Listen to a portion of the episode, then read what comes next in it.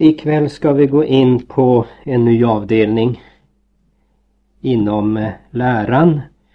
Vi har tidigare talat mycket om frälsningen av nåd alena när det gäller Kristi verk, Kristi återlösning. Nu ska vi tala om eh, hur vi också av nåd alena heliggöres eller görs delaktiga av återlösningens välsignelser. Och det är en viktig del i den kristna läran. Det är många som eh, håller med om att Kristi återlösningsverk är ett verk av nåd alena. Men när man kommer till eh, helgelsen, alltså frågan om hur vi blir delaktiga av återlösningens frukter, då vill man inte alltid bekänna att också i den saken är det frågan om nåd alena. Helgörelsen är ett verk av nåd alena.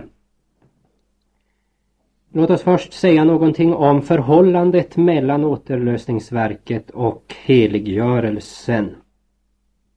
Genom återlösningsverket så förvärvade Kristus för alla människor syndernas förlåtelse, liv och salighet. Men allt detta skulle inte bli till gagn för någon enda människa om inte den helige Ande genom heliggörelsens verk gjorde människan delaktig av återlösningens välsignelser. Om människor ska bli saliga genom Kristi återlösning så måste dess förtjänster erbjudas åt människan, överlämnas åt människan och mottas av människan. Och det är detta verk som vi kallar för heliggörelsens verk eller helgelsens verk. Och det tillskrives i Bibeln särskilt den helige Ande, alltså den tredje personen i gudomen. I sin vidare innebörd så innefattar alltså termen heliggörelsen eller helgelsen alla de skeden eller faser i den helige Andes verk genom vilka han leder syndare från vredens och den andliga dödens tillstånd till nådens tillstånd, till livets tillstånd och bevarar dem däri tills de ingår i härlighetens tillstånd i himmelen. Den första stora rubriken som vi vill sätta över det vi nu ska tala om är följande. Omvändelsen är inte människans verk utan Guds. Omvändelsen är inte människans verk utan den helige Andes verk, Guds verk. Och då ska vi först stanna för detta att omvändelsen inte är människans verk.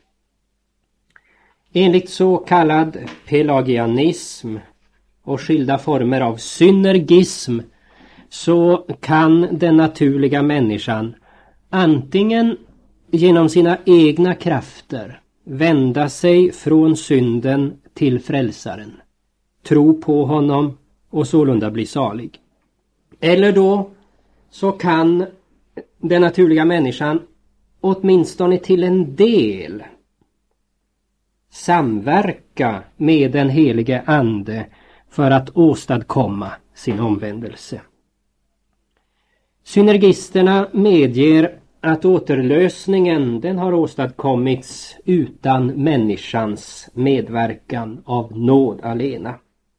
Men de hävdar att människan kan och måste bidra med något positivt till sin omvändelse. Även om det är aldrig så lite. Och gör hon inte det så kan hon inte bli omvänd. Denna synergistiska uppfattning att människan måste göra i varje fall någonting själv för att bli omvänd den eh, kan formuleras på olika sätt. En del formulerar den mera grovt att hon eh, överlämnar sig åt Jesus, lämnar sitt liv åt Jesus eller beslutar sig för att följa Jesus. Andra uttrycker det istället mera front att hon tillåter att hon blir dragen, att hon låter sig dragas. Eller ännu frommare att hon visserligen fortsätter att göra motstånd men hon gör inte motstånd på ett illvilligt sätt längre. Och så finner man då en skillnad mellan de som gör motstånd illvilligt och de som gör motstånd utan att det är illvilligt. Och så har man då fått fram en skillnad bland människor som ska omvändas. En skillnad som kan förklara varför somliga blir omvända och inte andra. Det är i själva verket så att synergismens falska lära den är just en följd av försök att förklara varför somliga blir omvända och inte andra. Att försöka finna någon förklaring i människan. Att människorna förhåller sig olika redan innan de har blivit pånyttfödda eller omvända. Bibeln lär att en människa kan bli omvänd, hon kan bli omskapad, hon kan bli född på nytt, hon kan bli förändrad. Men Bibeln lär samtidigt att människan kan inte själv göra någonting till sin omvändelse. Därför att hon är andligen död och blind och en fiende till Gud. Människan kan alltså bli omvänd, hon kan omskapas, hon kan förändras. Det är det första vi ska stanna inför lite ytterligare. Människan kan bli omvänd. Det vill säga, människan är inte en okänslig stock eller en varelse utan förnuft. Hon har en förnuftig själ som äger mentala, emotionella, viljemässiga eh, krafter. Och därför kan en människa bli omvänd. Och det visar ju också erfarenheten. Men detta faktum att en människa kan bli omvänd kan från att ha varit ovillig bli villig. Från att ha varit andligt blind bli andligt seende. Detta faktum bevisar inte att hon själv kan omvända sig eller i någon mån bidra till sin omvändelse. Jag kan ta några paralleller. Järn kan smältas ned men kan inte smälta ned sig självt. En död kan bli uppväckt men kan inte uppväcka sig själv. På samma sätt, människor kan bli omvända men ingen har någonsin omvänt sig själv eller hjälpt till med att genomföra sin omvändelse. Omvändelsen är en passiv erfarenhet. I våra lutherska bekännelseskrifter står det så här. Det är sant att människan före omvändelsen dock är en förnuftig varelse med förstånd och vilja, men icke med förstånd i gudomliga ting eller vilja till något gott och frälsningsbringande. Hon kan sålunda, som ovan sagts, alls ingenting göra till sin egen omvändelse och är i detta hänseende mycket värre än en stock eller sten. Ty hon gör motstånd mot Guds ord och vilja till dess Gud uppväcker henne från syndens död samt upplyser och förnyar henne. Det står i Concordieformen artikel 2, perikop 59. Den naturliga människan kan genom flitigt studium skaffa sig en viss intellektuell kunskap om evangeliets sanningar. Hon kan begrunda dessa sanningar, hon kan tala om dem. Och en sådan kunskap är förvisso nödvändig för tron. Men en sådan kunskap är inte i sig själv tro. En person som bara har denna kunskap är inte omvänd. Det finns de som känner till evangeliets sanningar och känner till dem ganska bra. Men likväl tror de inte på dem. Det vill säga, de sätter inte sin förtröstan till dem. Utan de är kanske ivriga motståndare till dessa sanningar. I våra lutherska bekännelseskrifter står det så här. Innan människan upplyses, omvändes, pånyttfödes, förnyas och drages av den helige Ande. Då ska vi komma ihåg att för Bibeln och bekännelseskrifterna är alla dessa ord uttryck för samma sak. Samma Guds under. Synonymer. Upplyses, omvändes, pånyttfödes, förnyas och drages av den helige Ande. Innan dess så kan hon av sig själv och av sina av egna naturliga krafter i andliga ting och i fråga om sin egen omvändelse eller pånyttfödelse lika litet ta första steget, verka och medverka som en stock eller en sten. Ty även om hon kan styra sina lemmar och höra evangeliet och i någon mån betrakta det och tala därom så som man kan se hos fariseer och skrymtare så anser hon det dock som dårskap och kan inte tro det och är i dessa stycken värre än en stock i det att hon är motsträvigt och fientligt inställd till Guds vilja. Om icke den heliga Ande är verksam i henne och i henne upptänder och verkar tro, lydnad och andra Gud välbehagliga dygder. Det är också Concordieformens andra artikel. Sinnets psykiska funktioner, det är instrument genom vilka vi skaffar oss kunskap och förståelse. Men de kan på intet vis av sig själva påverka och röra hjärtat till att acceptera och tro vad vi har lärt oss. Kraften att göra det ligger inte i det instrument genom vilka vi får kunskap utan i det ting som vi har lärt känna med dessa instrument. Sålunda kan ett budskap antingen glädja hjärtat eller göra det sorgset beroende på budskapets innehåll. Likväl så är det inte vår psykiska förmåga som skapar denna effekt, denna verkan.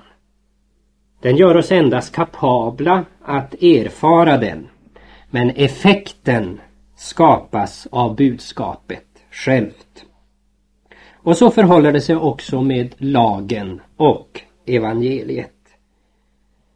Det är yttre medel genom vilka Gud lär oss sina sanningar. Och vår mentala utrustning, det är de inre medlen genom vilka vi får kunskap om och uppfattar dessa sanningar. Men det är budskapets sanningar som gör intryck på oss, som skapar i oss ett emotionellt gensvar. Lagen verkar i oss sorg, ånger och förtvivlan. Evangeliet verkar tro, hopp och kärlek. Det är därför ingenting i oss som skapar dessa effekter. Utan det är Guds ord som upplyser våra sinnen, rör våra hjärtan och ändrar vår vilja. Romarbrevet 10.17, Hebreerbrevet 4.12. Det var alltså det första, en människa kan bli ändrad, kan bli omvänd. Men det betyder inte att hon själv kan ordna med sin förändring sin omvändelse. Utan den skapas uteslutande av Guds ord. Så kommer vi till nästa stycke. Människan kan inte av sitt eget förnuft tro på Kristus. Vi känner ju igen denna formulering ur Luthers förklaring till tredje trosartikeln. Förnuftet är en dyrbar Guds gåva. Genom förnuftet skaffar vi oss kunskap, nödvändig kunskap, viktig kunskap. Men det kan inte verka tro i våra hjärtan. En oomvänd människa kan ha intellektuella kunskaper om Guds ande, om Guds undervisning. Men av en eller annan orsak så betraktar hon dessa kunskaper som dårskap. Den korsfäste Kristus är för judarna en stötesten och för hedningarna en dårskap. Första Korinthierbrevet 1.23. Och så länge detta förhållande råder är det helt enkelt omöjligt för den naturliga eller oomvända människan att ta emot evangeliets sanningar med ett troende hjärta och sätta sin förtröstan till dem. Vi citerar en naturlig människa tar inte emot det som hör Guds ande till. Det är henne en dårskap. Hon kan inte förstå det, ty det måste utgrundas på ett andligt sätt. Första Korinthierbrevet 2.14. Vi kan också här ta en parallell. Liksom det krävs musiksinne eller musikalitet för att rätt kunna bedöma och uppskatta en musikalisk komposition så krävs det ett andligt sinne för att urskilja, bedöma och uppskatta andliga ting. Men ett sådant sinne har ingen oomvänd människa. Av naturen så är alla människor alltifrån syndafallet kötsliga. Hon har ett kötsligt sinne, Romarbrevet 8, vers 5. Hon saknar helt och hållet andligt sinne.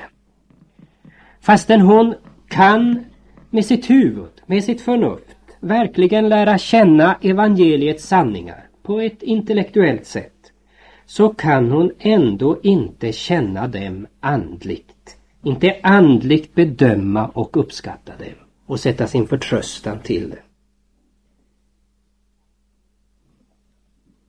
Hon kan inte ta emot dem med troende hjärta.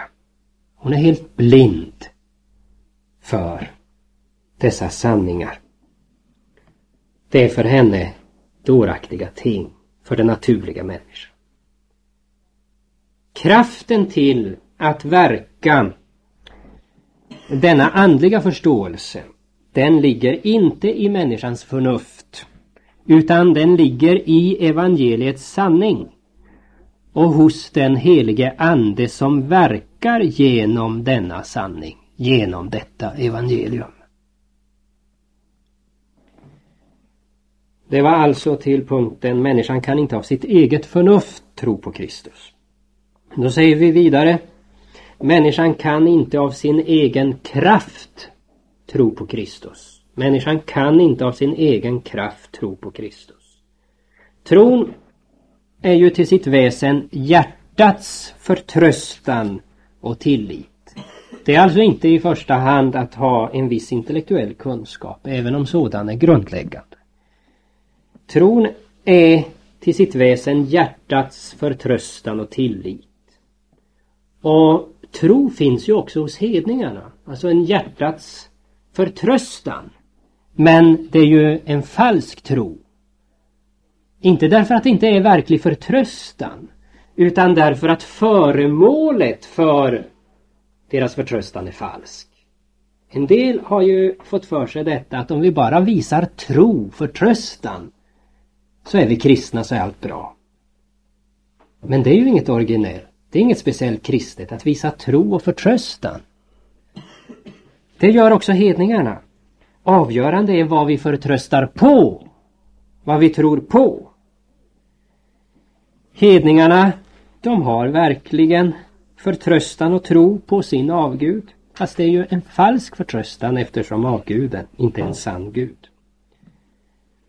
Men också när det är frågan om en falsk förtröstan så kan vi ha klart för oss att en sån förtröstan eller tro kan inte heller åstadkommas genom egna ansträngningar utan den skapas av det som man känner till och tror om sin avgud. Alltså den skapas av det budskap eller de informationer som man fått del av. Också vi kristna kan inte tro på Kristus eller komma till honom av vår egen kraft. Vår tro är på intet vis en produkt av våra egna ansträngningar. Tron är våra hjärtans eko på Guds, Guds röst i evangeliet. Tron är våra hjärtans eko på Guds röst i evangeliet. Människans totala oförmåga att vända sig till Kristus och omvända sig själv, det framgår av detta skriftställe. När vi var döda genom våra synder gjorde Gud oss levande med Kristus. Efesierbrevet 2.5. Lägg märke till i vilket tillstånd befann vi oss i när vi gjordes levande? När vi omvändes, uppväcktes, fick liv?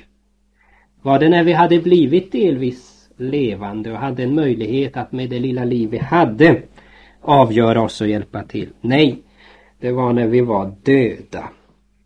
Döda genom våra synder. Fysiskt så var vi ju inte döda.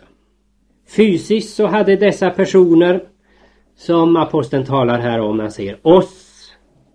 Fysiskt hade de varit levande. De hade varit mycket aktiva till att begå alla slags synder.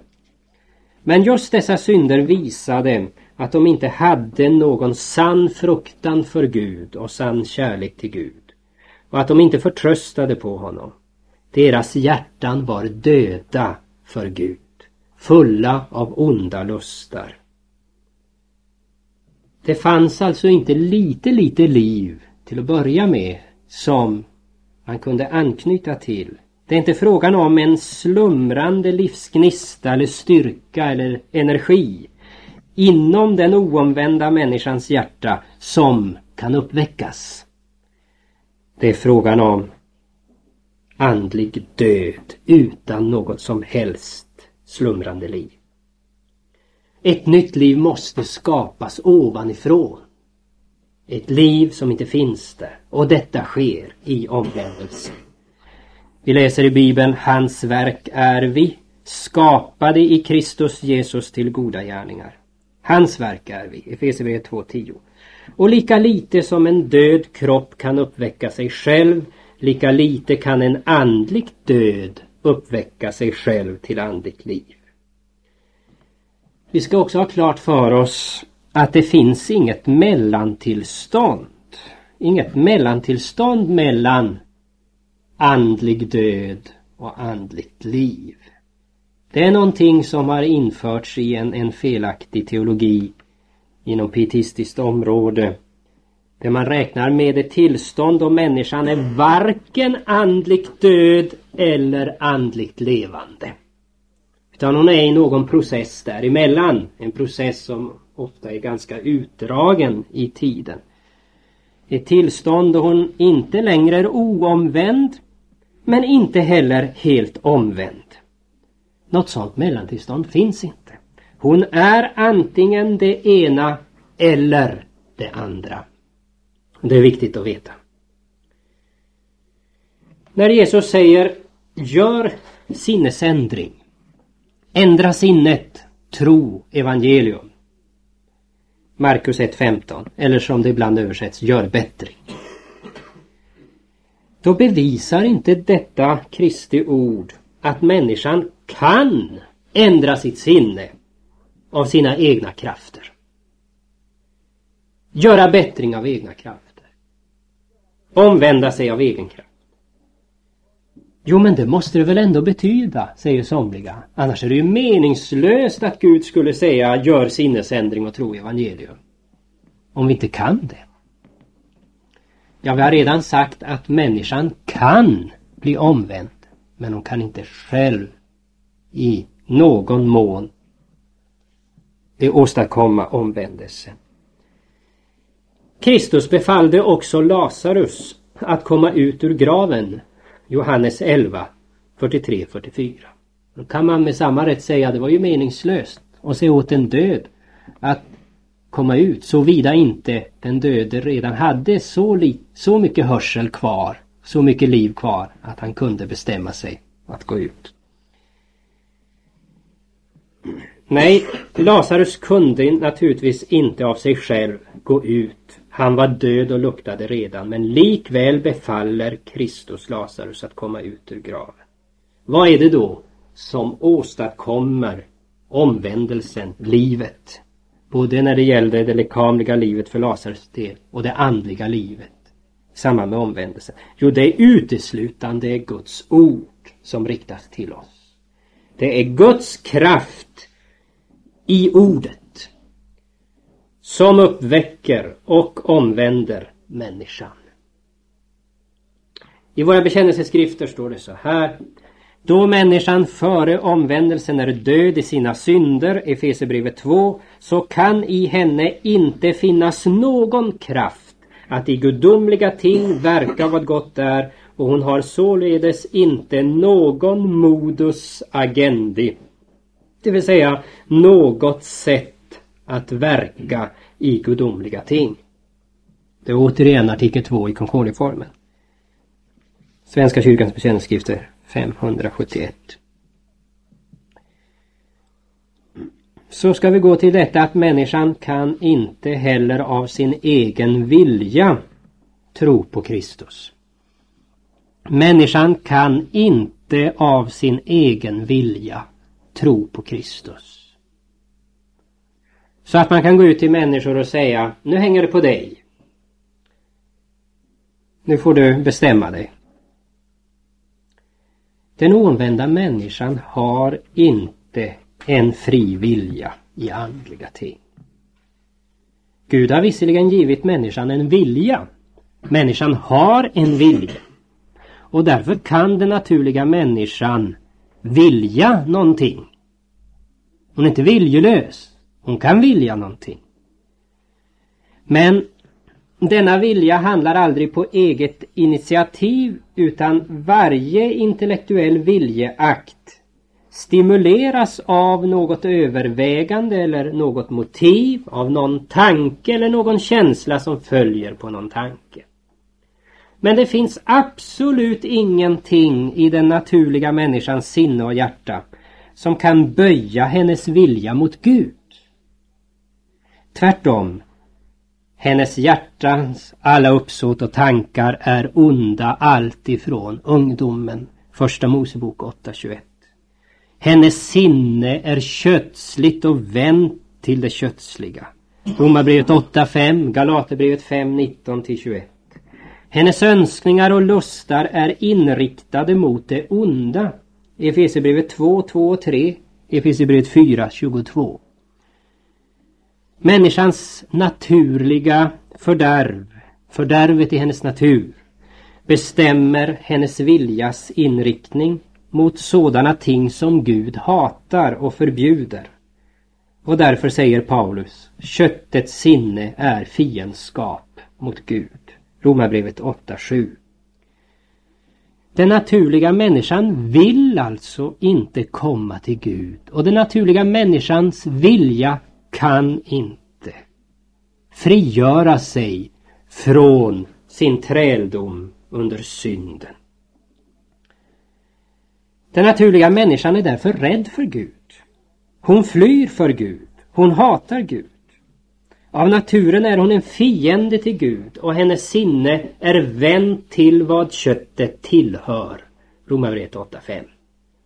Det som ska skapa i henne en förändring av sinne och hjärta, alltså en sinnesändring, metanoja. Matteus 3, 2, 4, 17. Det måste alltså komma utifrån. Det kan omöjligen komma från henne själv. Och därför är det så galet då att vädja till denna vilja att den ska vända sig till Gud och lämnas åt Gud. Det går inte. Men detta betyder inte att omvändelsen påtvingas människan mot hennes vilja. Omvändelsen kommer till stånd på det sättet att Gud genom sitt ord utövar en sådan påverkan på människan att en förändring äger rum i intellekt, hjärta och vilja. En sinnesändring skapas, verkas av Gud. Så att hon som av naturen är motsträvig och ovillig blir villig. I våra bekännelseskrifter står det Ehuru Gud inte tvingar människan till omvändelse så drar likväl Herren Gud den människa som han vill omvända och drar henne så att av hennes förmörkade förstånd blir ett upplyst förstånd och av hennes motspänstiga vilja en lydaktig vilja. Och detta kallar skriften att skapa ett nytt hjärta. Sidan 571. Concordieformen. Artikel 2. Genom kraften i sitt ord så övertygar Gud ovilliga människor så att de villigt och glatt förtröstar på hans nåd. De får ett annat sinne när det gäller synden. De vänder sig från den. Och ett annat sinne när det gäller Kristus och Guds nåd. De vänder sig till den och förtröstar på den. Och detta är ett under. Ett mirakel skapat genom evangelium. Vad ska vi då göra om vi inte kan säga åt en människa som är oomvänd att hon ska nu ändra sin vilja och, och så ska hon avgöra sig. Vi ska hänvisa henne till det medel genom vilket Gud verkar detta mirakel. Vi ska hänvisa henne till Guds ord. Och vi ska själva erbjuda henne Guds ord. I fast förtröstan om att Gud genom detta ord skall omvända henne. När och var det behagar honom. Ty vi vet att han vill det. Det är hans vilja. Han vill inte att någon ska förbli oomvänd och gå evigt förlorad. Vi bekänner med Luther i förklaringen till tredje trosartikeln Jag tror att jag inte av mitt eget förnuft eller kraft kan tro på eller komma till min Herre Jesus Kristus. Och vi säger med de lutherska bekännelseskrifterna Den heliga skrift tillskriver omvändelsen, tron på Kristus, pånyttfödelsen, förnyelsen och allt som verkligen hör till påbörjandet och fullföljandet härav. Icke den naturliga fria viljans mänskliga krafter, vare sig helt eller till hälften eller till någon den ringaste del, utan det tillskrives in solidum, det vill säga helt och hållet Guds verkan och den helige Ande allena, så som det och säges i apologin. Detta läser vi också i Concordieformens andra artikel. Bekännelseskrifternas sida 564. Och vi läser också i bekännelseskrifterna Sålunda frånkänner skriften den naturliga människans förstånd, hjärta och vilja all kraft, skicklighet, duglighet och förmåga att av sig själv i andliga ting tänka, förstå, kunna, påbörja, vilja, företaga, göra och verka något gott och rätt eller medverka därtill. Sidan 561. Också artikel 2 i Concordieformen. Och för övrigt bör, bör vi ju läsa då och då hela artikel 2 i Concordieformen. I synnerhet då i den andra utförliga delen. Ja, vi hinner gå vidare lite grann och komma då till den andra delen när vi nu har sagt att omvändelsen den är till ingen del människans verk. Kan inte på något vis åstadkommas av människan. Så kommer vi då till det andra att omvändelsen är den helige Andes verk. Omvändelsen är Guds verk. Omvändelsen genom vilken människan föres till tro på Kristus, den tillskrivs Gud.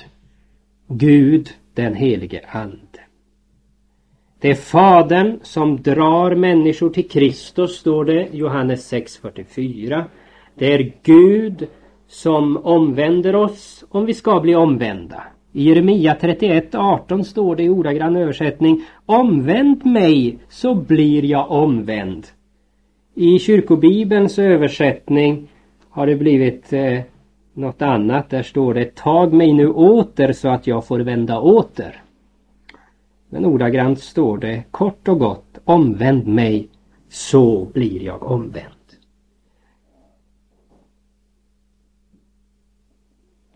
De som tror, de är födda, står det i Johannes 1, 12 och 13. Inte av någon mans vilja utan av Gud. Endast genom den helige Ande kan människor i tro kalla Jesus för sin Herre, säger Paulus i första Korinthierbrevet 12.3. Och därför skriver samme apostel i ordagrann översättning Ni blev tvättade, ni blev helgade, ni blev förklarade rättfärdiga genom Herrens Jesu Kristi namn och genom vår Guds ande. Första Korinthierbrevet 6.11. Ni blev tvättade, ni blev helgade, ni blev förklarade rättfärdiga genom Herrens Jesu Kristi namn och genom vår Guds ande. Första Kor 6.11. Omvändelsen är alltså Guds verk. Omvändelsen är vidare ett verk av nåden, av den gudomliga nåden. Det var av nåd som Gud rördes till att återlösa människan medel sin sons försoningsstöd. Det har vi talat mycket om tidigare. Men det är också av nåd och inte på något vis av människans förtjänst som Gud röres till att omvända människor. Att delge människor välsignelserna av Kristi återlösning. Det är av nåd alena. Han har frälst oss, han har kallat oss med en helig kallelse. Inte på grund av våra gärningar utan efter sitt, sitt eget rådslut och sin nåd. Den nåd som redan för evärdliga tider sedan gavs oss i Kristus Jesus. Andra Timoteus 1.9. Han frälste oss inte på grund av rättfärdighetsgärningar som vi hade gjort utan efter sin barmhärtighet genom nya födelsens bad och den helige Andes förnyelse. Titus 3 och 5. När sålunda någon blir omvänd då beror det inte på att han är mer värdig än andra, att han har förhållit sig bättre än andra, att han har varit mer villig att låta sig dragas än andra. Att han har lite grann åtminstone bidragit till sin omvändelse. Det som de andra inte har gjort. Nej. Omvändelsen är helt och hållet den gudomliga nådens verk. Verkad av nåd alena. Vidare. Den verkas genom nådens medel. Omvändelsen verkas av den helige Ande genom bestämda medel, nämligen nådemedlen eller nådens medel. Det finns ju de som menar att Anden verkar utan medel och direkt på människornas hjärta. Så att han utan medel och direkt helgar människor genom att omvända dem till Kristus och behålla dem i tron. Men så lär inte Bibeln. Bibeln lär att den helige Ande använder vissa medel genom vilka han verkar och uppehåller tron i människornas hjärtan. Kristus beder helga dem genom sanningen. Ditt ord är sanning. Johannes 17, 17. Och han tillägger i 20 versen att människor kommer till tro på honom genom apostlarnas ord.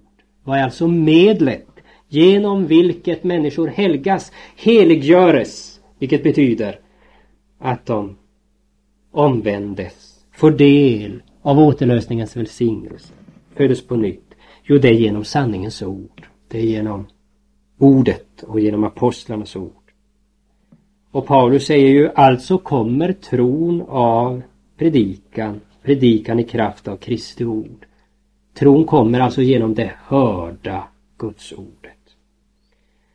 Och det heter ju i första Peter 1.23 Ni som är födda på nytt inte av någon förgänglig säd utan av en oförgänglig genom Guds levande ord som förbliver. Vad är medlet till en nya födelse? Jo, Guds levande ord. Och i Jakob 1.18 efter sitt eget beslut födde han oss till liv genom sanningens ord. Det är medlet. Och också dopet är ju detta medel. Just därför att dopet är vatten förenat med evangelium. Och därför heter det om dopet att det föder på nytt och frälser. Han frälste oss genom nya födelsens bad, Titus 3.5. Om en människa inte blir född av vatten och anden så kan hon inte komma in i Guds rike. Johannes 3.5. Gör sinnesändring, låt alla döpa er i Jesu Kristi namn. Vad blir det för resultat av det? Till era synders förlåtelse och ni får som gåva ta emot den helige Ande. Vad får man i dopet? Syndernas förlåtelse och den helige Ande. Apostlagärningarna 2.38. Och i bekännelseskrifterna står det genom ordet och sakramenten som genom medel skänkes den helige Ande, vilken hos dem som hör evangelium frambringar tron var och när det behagar Gud. Var står det här någonstans? I Augsburgska bekännelsens femte artikel. Genom ordet och sakramenten som genom medel skänkes den helige Ande, vilken hos dem som hör evangelium frambringar tron var och när det behagar Gud. Och det heter vidare i Concordieformen, artikel 2, Gud den helige Ande verkar omvändelsen inte utan medel, utan brukar därtill predikan och Guds ords hörande. Ja, jag tror att det blir lagom att stanna där och vi får nästa gång fortsätta att tala om hur den heliga Ande genom nådens medel verkar omvändelsen och hur anden då går till väga, närmare bestämt när han omvänder människor.